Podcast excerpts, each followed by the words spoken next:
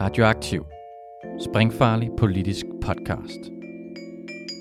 Følg os, like os, del os, læn dig tilbage og nyd en frisk blandet cocktail af skarpe vinkler, dybtegående analyser og farlige debatter.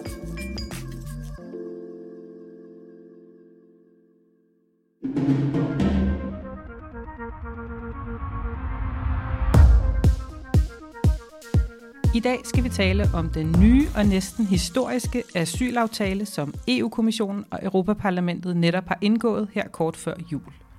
Vi skal også tale lidt om, hvad der egentlig foregår ved EU's ydre grænser, og derfor har jeg inviteret min ven og kollega, Lisa Christensen, ind i studiet i dag.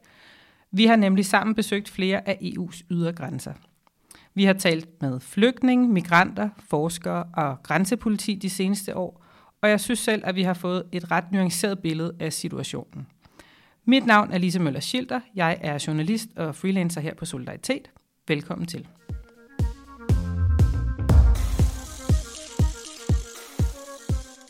Så alle er helt med ved at kort rise op, hvad der gør den her aftale historisk eller næsten historisk. Aftalen den skal danne grundlag for et fælles screeningssystem, så der er ens regler i alle EU-lande for, hvordan asylansøgere de identificeres. Asylansøgere de skal ikke længere vente særlig lang tid. De skal højst vente 6 måneder på en afgørelse, og så skal der være en fordelingsmekanisme mellem landene, hvis det viser sig, at der er et stort pres på grænserne. Lige nu mangler man dog at finde ud af, hvad et stort pres egentlig er. Solidaritetsmekanismen giver EU-landene mulighed for at vælge mellem at modtage asylansøgere eller at betale 150.000 kroner per person til det land, som først modtager asylansøgerne. Det kan lyde historisk, men faktisk indgik EU's regeringsledere i 2015 en aftale om at fordele 120.000 asylansøgere fra Grækenland og Italien, men man endte med kun at omfordele 27.700 mennesker. Det skal så også nævnes, at den nye aftale indeholder mere grænsekontrol og en mere systematisk registrering af børn ned til 6 år. Og det betyder, at organisationer som Amnesty International de frygter, at aftalen får den konsekvens, at flere familier tilbageholdes i store lejre ved grænserne. Amnesty hæfter sig også ved, at aftalen ikke løser de mange overtrædelser af asylansøgernes rettigheder ved grænserne, for eksempel at de forhindres i overhovedet at søge asyl. Også det europæiske råd for flygtning, ECRE, har udtalt, at aftalens store tabere bliver flygtninge. Fordi risikoen for at blive forhindret i at søge asyl eller at blive sat i fængsel bliver større, netop fordi Italien, Spanien, Grækenland og Bulgarien stadigvæk står med den største opgave.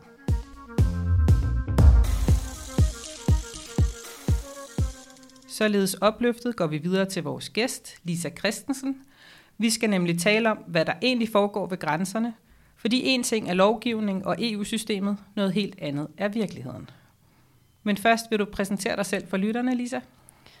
Ja, hej, jeg hedder Lisa. Øhm, det vigtigste, man kan vide om mig i den her sammenhæng, er, at øh, jeg har haft nogle år som journalist, hvor jeg fokuserede rigtig meget på flygtninge og migration. Og som du siger, så øh, har jeg tilbragt noget tid ved Europas ydre grænser. Yes. Ja, grunden til, at, øh, at du er med her i dag, det er fordi, vi to, vi var i 2017, der rejste vi rundt ved de ydre grænser. Vi var i Spanien og Marokko, vi har været i Tyrkiet og Grækenland. Øh, jeg har i 15 har jeg været ved den bulgarske grænse interview grænsepolitiet. Og du har så også været i Libyen sammen med TV2. Ja. Yes. Hvis vi starter med Grækenland. Vi besøgte jo Moria, som er den her berygtede lejr, der ligger på den græske ø Lesbos i 2017. Hvad husker du bedst fra det besøg? Jamen, jeg husker, at vi kom, vi kom ud til lejren, og der var en del mennesker sådan uden for lejren og en ret anspændt stemning. Og så bliver vi antastet af en mand, en af dem, der bor i lejren, lader det til. Øhm, og han er sådan oprevet, og jeg bliver først irriteret på ham, fordi at min mit instinkt er, at man tit bliver smidt væk steder fra, når man er journalist, der prøver at undersøge noget. Øh, men det viser, at det han i virkeligheden gerne ville have, det var, at han ville have os med ind i lejren for at se, hvordan der var derinde. Øh, så han tager os med ind gennem et hul i hegnet, ind i Moria, øh, hvor vi så får, ja, ser på, øh, hvordan folk lever inde i lejren. Jeg kan også huske, at at da vi møder ham, der, der står vi og snakker med sådan en masse kvinder, der sidder ude foran lejren i sådan en lang række med alle deres børn. med sådan nogle små babyer. Og jeg kan bare huske, at jeg tænkte sådan, hvorfor sidder, der, hvorfor sidder alle de her kvinder herude? Det kan jeg ikke forstå. Men så da vi kom ind i lejren, så tænkte jeg, okay, det giver ret god mening, de sidder her uden foran. Ja, der var i hvert fald meget, altså meget fyldt derinde, og meget trængt. Øhm, det var jo en lejr, der på det tidspunkt, øh, altså den var bygget til at huse nogle, et par tusind, tror jeg, men der boede omkring 6.000 mennesker. Så derfor så var der jo ikke rigtig plads til de folk, der var der. Øhm, og det vi var der i november måned, så man kunne også se, at der var en hel masse, der boede i sådan nogle små festivaltelte ude sådan på de stier, der sådan var imellem lejrens barakker. Øhm, og det var, altså, det var ret koldt. Øhm, så man kunne se, at folk havde sådan stukket pap ind under deres telte for at varme op og sådan noget. Ja. Jeg kan, også, jeg kan huske, at, øhm, at der var en, en, en baby, der var meget syg, som der blev høvet ud af et telt. Og da vi ligesom havde været, da vi kom hjem fra at have været derinde i lejren, så tænkte jeg, hvor er det mærkeligt, at vi skal hjem og sove i et hus. Og den der syge baby ligger inde i det der telt. Ja, det er jo desværre sådan, verden hænger sammen. Ja. Ja, der var også, øh, jeg kan også huske, øh, at da vi var derinde, der kiggede vi på toiletforholdene. Ja, det var en af de ting, som manden der, han, han tog os med hen til. Øh, det var sådan nogle lidt, altså det var lidt sådan nogle lidt campingplads-agtige toiletter, hvis man har været på ferie i Sydeuropa. Sådan nogle stå-op toiletter. Og så var der bare helt vildt beskidt derinde. Og noget af det, som øh, nogle af de mennesker, vi snakkede med i lejren, fortalte, det var, at øh, der var kun vand noget af tiden. Så derfor så var det også, altså det var simpelthen svært at skylle ud i toilettet. Så derfor lå der også bare sådan lort derinde. Ja. Og de fortalte også, at det også var inde på toilettet, man gik i bad. Så på den måde, så øh, altså det var simpelthen bare sådan helt lavpraktisk virkelig svært at holde sig ren, når man boede i Moria. Vi snakkede også med en kvinde, der, øh, der hjalp med, eller der var sådan en, jeg tror hun var frivillig. Vi snakkede med en kvinde, der tog imod folk, der blev flyttet ud af Moria-lejren, fordi de var sårbare på forskellige måder. Og noget af det, hun fortalte, det var, at folk var helt desperate for at komme i et ordentligt bad, når de kom ud til dem. Ja. Ja, jeg husker det som om, der bare var vandflasker over det hele, fordi der faktisk ikke var rindende vand på det der toilet, at de brugte vand fra vandflasker. Ja, det de fortalte, det var, når man ligesom skulle i bad, så brug, brugte man en plastikflaske til at gå sådan i bad derude på de der toiletter. Ja. Øhm, yes, vi snakkede jo faktisk, vi har noget lyd, øh, fordi da vi kom, da vi kom ud fra lejren, øh, der mødte vi en, en mand. Øh, og ham har vi noget lyd med. Og jeg tænker, at, øh, at vi skal prøve at høre, hvad han fortæller. Han er fra Afghanistan, og han er fysiklærer, og så, øh, så bor han i Moria. And how long have you been here? Uh, about two months. Uh, Two months? yeah, yeah. Okay. And how how did you get here? Uh, by smuggler. I came from uh, Afghanistan to Iran and Iran to Turkey, Turkey from uh, Greek. Okay. Yeah, illegally by smuggler. Yeah. How long time did it take? Uh, 24 or 5 days. Okay, that's I pretty fast Yeah. compared to some. Do you live in Moria? Yeah. I live the single man. It is a very bad place. No bathroom, no toilet, uh, no water. In the 24 uh, hour, just uh, one hour we have uh, water, and there is other time we don't have any water. Just um, you cannot wash my clothes, cannot wash dishes for cooking. It is difficult for single man. Ja, han fortæller hvad det egentlig bare, det som vi også har fortalt, at der ikke er noget vand, og folk er helt desperat, eller var helt desperat efter at tage et bad og blive rene. Ja. Ja. Og så fortæller han, at forholdene er bedre for familier. Men altså noget af det, vi så har hørt nogle af kvinderne derinde fra sige, det var, at, øh, Altså, de har bare kun opholdt sig i teltet og var bange for at gå ud og blev nødt til at blive eskorteret af en mand, når de skulle på toilettet og sådan noget. Så altså, der har jo så været nogle andre problemer for dem, ikke? Ja, ja fordi vi snakkede jo faktisk også med nogle, øh, nogle piger, som i protest øh, var flyttet ned på, på torvet, på byens torv, fordi de mente, der var mere sikkert. Fordi Ja. de var bange for at blive voldtaget. Ja. Lad os lige prøve at høre lidt mere om, hvad han fortæller. Yeah. It is a very bad situation in here. We cannot tolerate. It is cold uh, in the night. Yeah. Uh, always we have cough. We have um, uh, sinusitis. I have sinusitis, but uh, we don't have any. disease? Yeah, sinusitis. Uh, Yeah. Ah, yeah. Just a cold or? or- Yeah. No, it's more like yeah, yeah. You cannot No breathe. medication. Just we use paracetamol and nothing more. Okay. Yeah. And you cannot go to the doctor or? Uh, because a lot of people as uh, every day go to the doctor, it's crowded. Yeah. Uh, the, when we uh, should uh, make an appointment for a doctor, it take uh, one or two months to go to a hospital in a city, and uh, it is too long for me. Just uh, we try to care about me uh, herself uh, Yeah. himself yeah and uh, we for we wear uh, good clothes to keep warm Yeah. and do not uh, become uh, sick. Yeah. How, how many people you live in a tent? Yeah, How many people live nine in this tent? people uh, in one small tent. What? What? How big is the tent? Yeah, about uh, three meter to four meter. Okay. Yeah. Yeah. Nine people. Yeah, nine. And uh, is it all men or do you live with a family? or- Just a single man Okay. because I am single. uh, Yeah. And what about food? Food. Uh, it was about uh, one uh, month ago. It was good, but now because a lot of people uh, refugee comes here, it is not good uh, now because. Uh, A lot of new yeah, people came new in. uh, refugee, new arrival refugee. Uh, we have new arrival, but uh, it is not. Uh, there is no uh, good uh, food in here. Sometimes we lose the uh, food because a lot of people make a line, and uh, if we mm, go to the end of line, Øh, we cannot get øh, uh, food. Ja, så han fortæller, at de bor ni mennesker i et lille bitte telt, og at øh, nogle gange, så er der ikke nok mad til alle.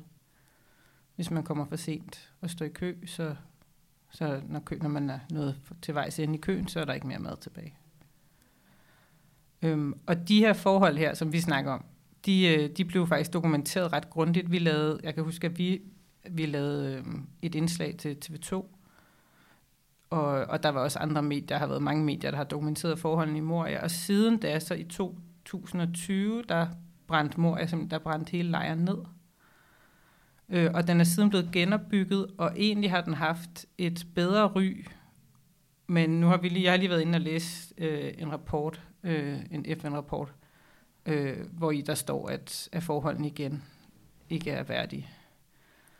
Og det har jo nok noget at gøre med også, hvor mange der kommer at man kan sige, at, at den vej, som, som flygtninge de tager, og migranter, at det skifter. Og nogle gange er der et stort pres på Lesbos, andre gange er der stort pres på Italien, andre gange er der stort pres på Spanien.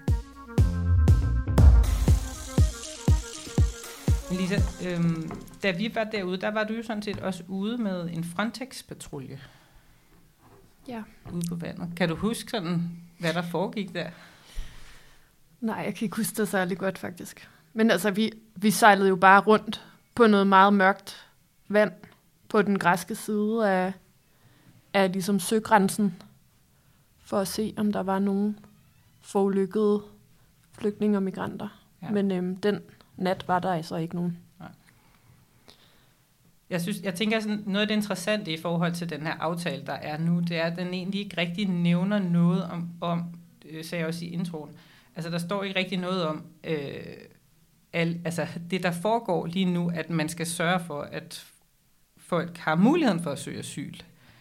Fordi på en eller anden måde, så, så det her grænsebeskyttelse, det, lig, det, er sådan, det er lidt mærkeligt, det fungerer lidt mærkeligt, fordi at øh, øh, hvis det for eksempel, lad os nu sige det Frontex, altså øh, den fælles europæiske grænsevagt, hvis det er dem, der samler nogen op i det græske hav, så har folk jo mulighed for at søge asyl. Men hvis det nu er den tyrkiske, hvad hedder det, havnevagt, der samler dem op, så er der jo ikke noget asyl.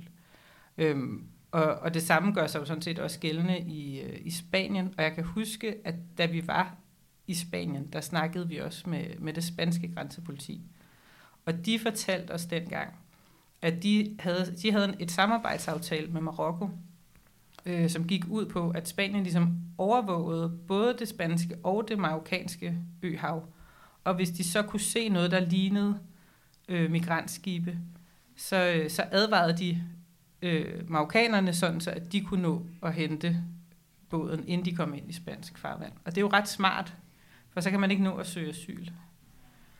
Øh, men man kan også sige, man, altså et an, noget andet, man kan sige til det, er jo også, at, at det er jo, man redder folk fra at komme i havsnød og drukne. Så det er, det er svært ligesom at sige, at, at eller man kan sige, umiddelbart kan det jo lyde som, noget, som pushbacks, men på den anden side kan det jo også være gjort i den bedste mening. Ja, det, øh, jeg vil ikke ud i at motivfortolke, men øh, der er jo flere eksempler i hvert fald på, at man fra europæisk side går ind og laver aftaler, som gør, at flygtninge og migranter øh, bliver stoppet, før de når ind på europæisk territorium. Øh, vi lavede en stor aftale med, med den tyrkiske præsident Erdogan i, ja, jeg kan ikke huske, hvad år det var. Jeg tror, det var 16. Øhm, altså Europa har jo også støttet den libyske kystvagt for eksempel, som så øh, jo så har patruljeret det libyske farvand og sørget for at, øh, altså man kan jo enten sige, øh, redde flygtninge og migrantbåde i land, eller forhindre dem i at sejle ind i europæisk farvand, eller begge dele på én gang.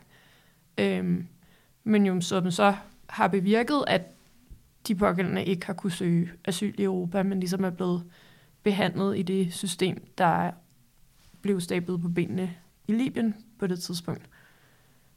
Øhm, så, så altså, der er jo samarbejdspartnere, eller samarbejdsaftaler med, med en hel masse af de lande, der ligger rundt om Europa på forskellige måder, som, som også er med til at bevirke, at selve strømmen ind i Europa af mennesker bliver mindre. Ja.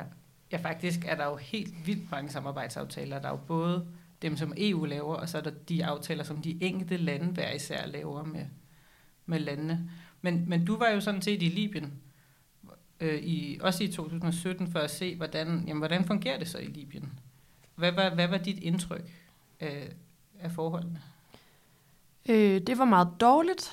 Vi var øh, i noget, som på det tidspunkt blev beskrevet for os som det mest velfungerende migrantcenter i Libyen. Øh, vi var først, eller vi var ude øh, og møde den libyske kystvagt ude øh, i Tripolis havn, hvor vi så også mødte ligesom et, et hold af migranter, eller hvad man skal sige, en bådfuld flygtninge slash migranter, der var blevet tilbageholdt af den libyske kystvagt og ligesom sejlede i havn i Tripoli. Øhm, og derfra blev de så ligesom taget ind i den libyske regerings- eller statsdetentionscentre, og der var vi så ude og besøge et af dem.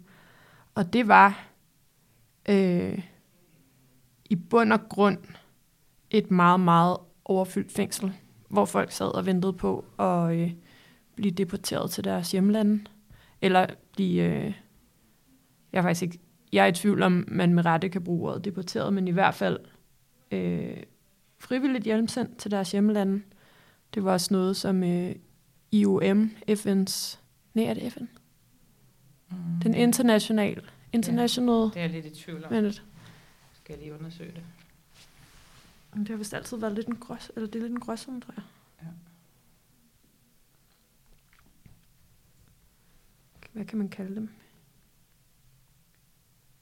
Der står det part of the United Nations system. Okay. Den internationale det der, det detentionscenter, vi besøgte, det var, havde et samarbejde med den internationale migrationsorganisation, som så hjalp med øh, papirer og med tilbagesendelse til, øh, til de lande, som folk kom fra.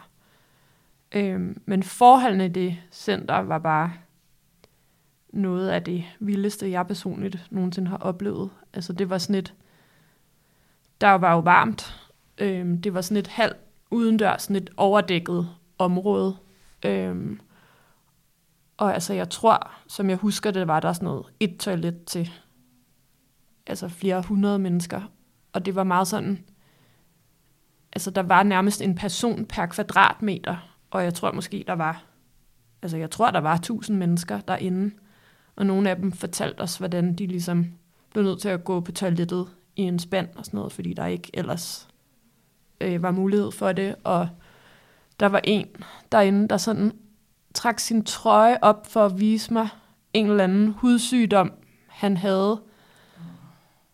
Og det var bare, altså det var bare et virkelig, virkelig uhomsk sted, hvor folk var spærret inde i, altså i månedsvis.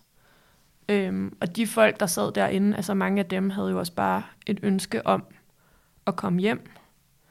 Øhm, så for så vidt var det jo udmærket, at der var en, altså en struktur omkring at få det til at ske, men altså, som jeg forstod det på dem, der var derinde, var der bare mange, der havde været der rigtig længe. Øhm, og det foruroligende var jo så, at vi fik at vide, at det ligesom var et af de bedste steder i Libyen, hvor man kunne blive tilbageholdt øhm, i det der hjemsendelsessystem. Ja. Så det var altså ja, jo bare rystende, at det er den skæbne, der tilfalder nogle mennesker. Da vi mødte, da vi mødte den flok af mennesker, der var blevet øh, tilbageholdt nede på havnen, der var der også en, som gjorde meget stort indtryk, fordi han simpelthen var så fortvivlet. Han græd og kaldte på sin mor og fortalte, hvordan han ligesom Altså han havde rejst afsted sammen med sin bror øh, for at nå til Europa, og hans bror var, var død på vejen. Og ja, han var bare helt fortvivlet og ville hjem. Og det, det hørte vi flere sige, da de var nået dertil. Hvor vi var faktisk også øh, lidt længere nede sydpå i Afrika, i Niger, hvor vi mødte nogle af dem, der var på vej ud på den migrationsrute, øh, som for mange jo går igennem Libyen. Og de havde jo nogle helt andre, eller de havde jo forhåbninger om et bedre liv. Og jeg husker tydeligt, at en af dem sagde til mig, at de hellere ville dø i ørkenen, som er meget farlig at krydse Saharas ørken, end de ville leve i fattigdom. Så på en eller anden måde, så var det, vi mødte ligesom de der mennesker på to forskellige sider af den der, øh, det der migrationsflygtninge forløb. Men det var også bare meget tydeligt, at det, som folk tog afsted fra, det var heller ikke noget, de synes var et, et øh, værdigt valg for deres liv. Nej, det er, også, det er også det, der gør situationen så, så håbløs på en eller anden måde, og kompleks, fordi at, at, man, at der, det er svært at se øh, gode løsninger, øh, der gør, at folk ikke bliver så desperate, at, at de vælger at tage de der ture der.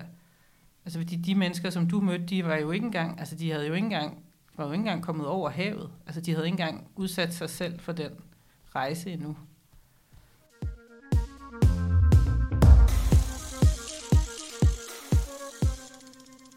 Ja, der, der er mange mennesker, der gør ret meget indtryk på en, når man, øh, når man er de der steder der.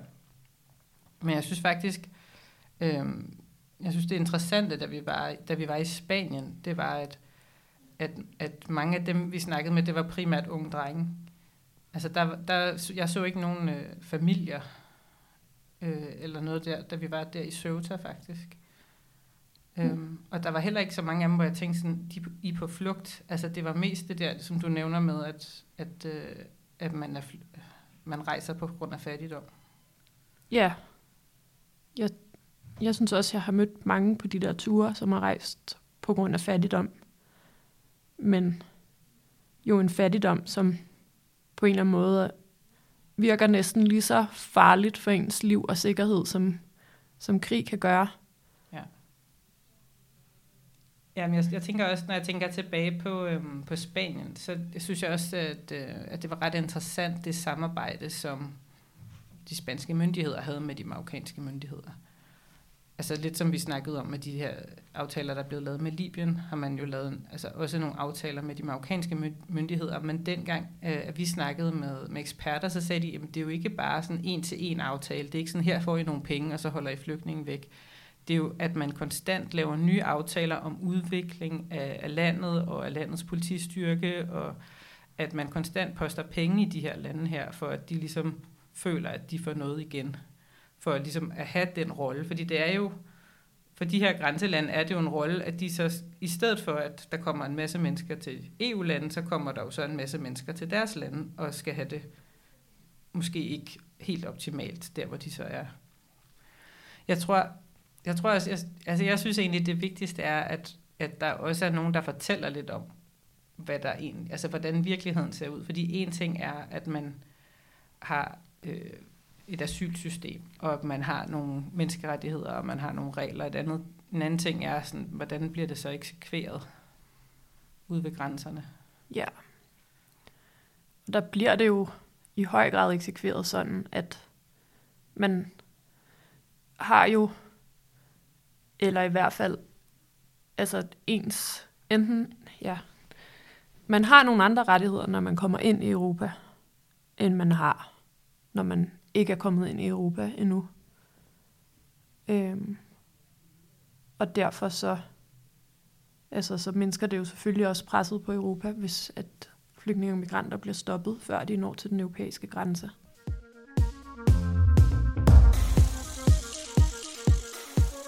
Jeg har nemlig også øh, besøgt den bulgarske grænse. Øhm, og det var, det var tilbage i 2015, og det var, øh, det var dengang, hvor der var rigtig mange, der krydsede den grænse.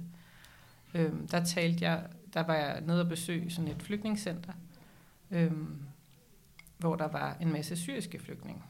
Øhm, og det interessante, da vi var dernede, var, at Øh, for det første er Bulgarien jo et, øh, et EU-land, så, så der er jo faktisk også øh, danske Frontex-betjente dernede, øh, der ligesom der hjalp med at patruljere. Øh, men, og der var jo, og, jeg, og jeg, det var garanteret ikke danske, det her vi aldrig kunne finde ud af, om der var nogle danske betjente, der var involveret i det, men vi snakkede med øh, flygtninge fra Syrien og fra Irak, øh, som fortalte, at, at de var blevet slået øh, og sparket af, af grænsevagter og de var blevet låst ind i detention i lang tid, og så var de så til sidst endt i det her asylcenter. Øhm, og der var rigtig mange, kan jeg huske, der var rigtig mange familier i asylcenteret, og vi fik lov til at komme og besøge øh, under den forudsætning, at der var en, øh, en af medarbejderne fra asylcenteret, der fulgte os rundt. Øhm, og det tænkte vi ikke så meget på øh, over i starten. Øh, så gik vi bare rundt, og alle øh, vi snakkede med sagde bare, at der var så skønt at være, og det var et dejligt sted, og øh, de var bare glade for at være kommet til, til EU, og hvor der var nogen, der passede på dem. Og så, øh, og så efter noget tid, så, øh, så, var der, så foreslog øh, en af sproglærerne på stedet, hun foreslog, at øh, vi lige gik ud og snakkede sammen på en café, sammen med nogle af øh, asylansøgerne. Og da vi så kom ud på den café, så fortalte de, at de var ekstremt bange for at sige noget negativt om stedet, mens der var en af medarbejderne, der hørte. De fortalte, at de sultede, de fik ikke nok mad. Øhm, og de fortalte, at den eneste måde, man kunne få asyl i det bulgarske asylsystem på, var, hvis man betalte for det. Og ellers så fik man afslag. Og det var jo, og der, jeg kan huske, at der var rigtig mange af dem, der spurgte mig, hvordan kommer vi videre herfra? Hvad kan vi gøre? Og det kunne jeg jo ikke fortælle dem. Altså, fordi i virkeligheden, så, øh, så var jeg jo den opfattelse, øh, at øh, Dublin, Dublin-reglerne, de galt, og Dublin-reglerne, det er jo det her med, at det første europæiske land, eller EU-land, man ankommer til, det er der, hvor man er forpligtet til at søge asyl. Men, øh, men fordi jeg holdt kontakt med nogle af de her øh, asylansøgere flygtninge, øh, så fandt jeg jo ud af, at de fandt ud af, at hvis man kunne komme til Tyskland for eksempel, så kunne man få lov at søge asyl der, fordi at der var nogle delstater af Tyskland, der ikke anerkendte Bulgarien som et land, hvor asylsystemet fungerede. Mm. Og derfor, der var en, jeg snakkede med, han, han havde krydset grænsen mellem Tyrkiet og Bulgarien i en lastbil sammen med en masse andre flygtninge. Og så var de så blevet øh, opdaget, da de skulle videre fra Bulgarien. Så havde han siddet i et asylcenter i Bulgarien i, i et års tid, og havde ventet på sin kone, der så kom fra Syrien. Så havde de søgt og fået asyl i Bulgarien. Og da de så havde fået asyl der, så bookede de nogle flybilletter til Paris, øh, hvor de skulle lege turister. Og da de kom til Paris, så tog de et tog til Tyskland. Og da de så ramte grænsen mellem Frankrig og Tyskland, så søgte de asyl. Og de bor der i dag, og han arbejder som ingeniør. Det er sjældent, øh, at man hører anekdoter om flygtninge, der ender lykkeligt, synes jeg. Jeg tror, der er rigtig, rigtig mange, der bliver skuffet, når de kommer til Europa. Ja, det, ja, det tror jeg også. Jeg tror også, at det var et særligt tidspunkt i historien, netop der i 2015, hvor at der på en eller anden måde, det var ligesom om alting var oppe i luften, ikke? Altså, man kunne ikke regne med noget, altså nogle steder kunne du, så, altså det var ligesom vi havde flygtninge, der gik på landevejen i Danmark for at komme til Sverige. Ja. Tyskland tog imod rigtig mange det år. Ja. Det var via Schaffendas-året. Vi har Schaffendas. Det var noget, Merkel sagde. Hun blev sindssygt upopulær på det. Hvad, hvad betyder det? Det betyder, vi klarer den. Ah, Og hun sagde det om syriske flygtninge, eller om alle de flygtninge, der kom. Ja. Men det er jo også, altså en af ting, nogle gange når jeg har, ligesom har, har dækket det her område, så har jeg også tænkt, det er jo også helt vildt svært at vurdere, om folk altså er på flugt, eller er flygtning i forhold til konventionen, eller om de er flygtet fra fattigdom, eller om de hverken er flygtet fra fattigdom, eller fra noget andet. Altså det er jo vildt svært at lave den vurdering. Det er så svært, og der er så meget. Altså det er måske også lidt det. Der er jo så mange gråzoner, og det hele er så meget mere kaotisk, end, end hvad der bliver forklaret til en, hvis man bare øh, lytter til, hvad reglerne og politikkerne er. Ja, det er jo bare, det er bare svært at lave den vurdering. Det er også derfor, jeg synes, det er interessant det her med, at der nu skal være en garanti for, at man får en afgørelse efter seks måneder. Ja, det er meget interessant, fordi jeg har da indtryk af, at der har siddet mange rundt omkring i det europæiske asylsystem og ventet i meget lang tid og haft en uafklaret skæbne. Og hvis man, det virker næsten for godt til at være sandt, at det kan være en problemstilling, man kan bare komme hen over ved at tage en beslutning. Altså især når man tænker på, at øh, asylsystemet både i Italien og i Grækenland af den europæiske menneskerettighedsdomstol er blevet vurderet så nedbrudt, at man ikke reelt kan sende flygtninge tilbage dertil for at få øh, deres asylsag behandlet. Så tænker jeg sådan, hvordan, altså, hvordan skal det på magisk vis kunne lade sig gøre nu efter seks måneder? For det er jo stadigvæk de samme lande, der skal, der skal stå med opgaven. Ja, hvad siger aftalen om det? Jamen, det er noget med, at de vil sortere migranter og flygtninge i øh, forhold til, hvor de kommer fra, og hvor stor sandsynlighed der er for at få asyl. Ja, det ved jeg ikke.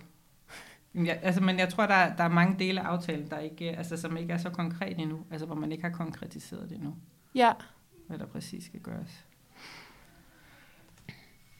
Men ja, men ja, jeg tror, ja, vi, vi famler os også lidt frem her. så, øh, men men jeg, for, for mig er det vigtigt, at det ikke bare bliver sådan en, en teknokratisk diskussion af, sådan, hvad, hvad er det rigtige og forkerte at gøre, og, og hvordan, altså, at der, vi også ligesom kigger på, hvordan ser virkeligheden egentlig ud? Altså, hvad er realistisk? Er det overhovedet realistisk, at der kommer til at ske nogle ændringer, hvis at man egentlig lige nu har tænkt sig at fortsætte more or less med det samme system, bare med nogle forskellige garantier? Altså det her med for eksempel, man siger, man kommer til at lave en, en fælles database, sandsynligvis med registreringer af folks foto og deres fingeraftryk. Øhm, men det har man jo, man har jo lidt øh, den database i forvejen. altså, så det kræver jo også, at der er nogen, der ligesom, at folk bliver registreret, og de bliver registreret ordentligt, og at der, hvor at de så kommer ind allerførst, at asylsystemet virker, ellers så kan det jo være det samme igen.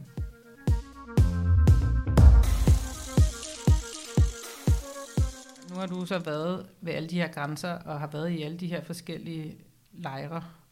Hvad, hvad, har, du, hvad har du tænkt som, at du har fået med dig af at have det her arbejde, hvor du har set de her ting?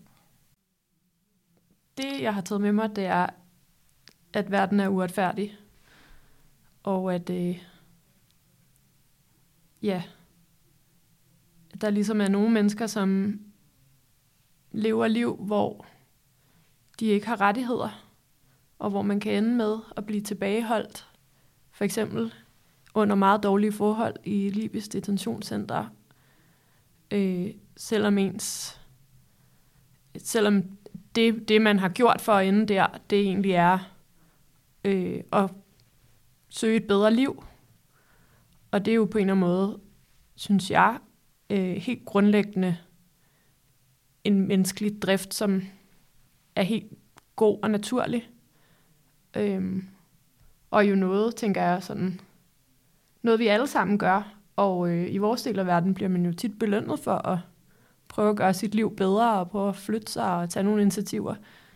Jeg synes, det er helt naturligt, at man som menneske søger det bedst mulige liv for sig selv og sin familie. Og jeg synes ikke, at det er mærkeligt, at for nogle mennesker i svære situationer rundt omkring i verden, at der ligner det at flygte eller migrere en mulighed for det. Og der er ligesom bare den der meget skarpe grænse med, at i Europas nabolande, der har du bare ikke de samme rettigheder for at få en ordentlig behandling, som du har, når du kommer ind på den europæiske side af grænsen. Vi har også mødt folk på den europæiske side af grænsen, som levede nogle meget hårde liv. Og det er jo bare fordi folk er født i en anden situation, end man selv er. Og det er da dybt uretfærdigt. Og samtidig så har jeg ikke svaret på, hvordan man fikser det system, fordi det bunder jo i bund og grund i uligheden i verden. Og jeg tror ikke, øh, løsningen er, at alle, der trænger til at have et bedre liv, de flytter til Europa, fordi ja. ja. Jeg tror, jeg har, jeg har selv tænkt, at det er sådan en total gotisk knude, som er altså, nærmest umulig at løse, fordi at man kan ikke forhindre folk i at forsøge at få et bedre liv. Altså det, det er ligesom om, du lukker en grænse, der åbner sig en ny. Så der vil konstant være folk, der vil, der vil gøre forsøget. Øhm, ja. Og jeg, men jeg, jeg tror, at det, jeg kom frem, er kommet frem til, efter at have været alle de her steder, det er, at uanset om man øh, ligesom kan blive anerkendt eller ikke anerkendt, så synes jeg, at, at vi har en eller anden forpligtelse til at behandle folk ok i den transitperiode, hvor de, om det så er i landene op mod EU, eller om det er i EU-landene, at, at de så får en eller anden form for værdig behandling. Altså jeg synes på en måde, det, at det er prisværdigt det her med, at, man, at der må ikke gå mere end seks måneder. Ja. Jeg vil, og jeg håber virkelig, at, at det betyder, at folk de får en, en ordentlig juridisk proces, og at de bliver får en afklaring. Sådan så, at, at man ikke havner i det der limbo, som du også fortæller om. Ja, det er i hvert fald ikke noget, jeg vil ønske for nogen.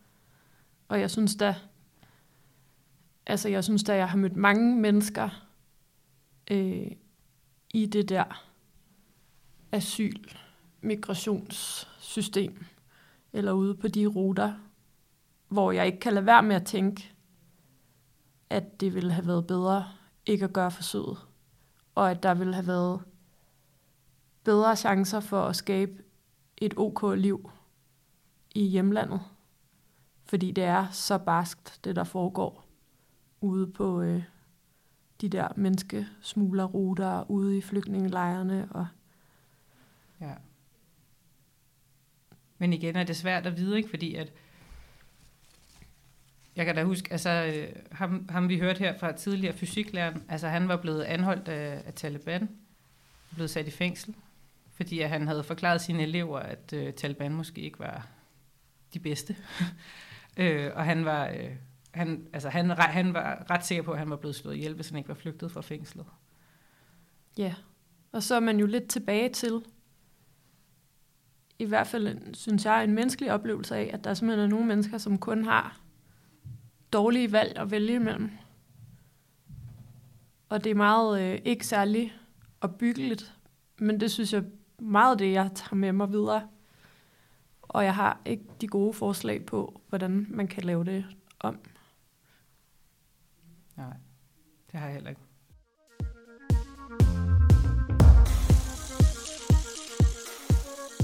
Jamen, øhm, jeg vil sige øh, tak for i dag, og øh, tak til dig, Lisa, fordi at du valgte at deltage. Tak fordi jeg måtte være med. Og til alle jer, der lytter med, så må I have en god jul og et godt nytår, og vi høres ved.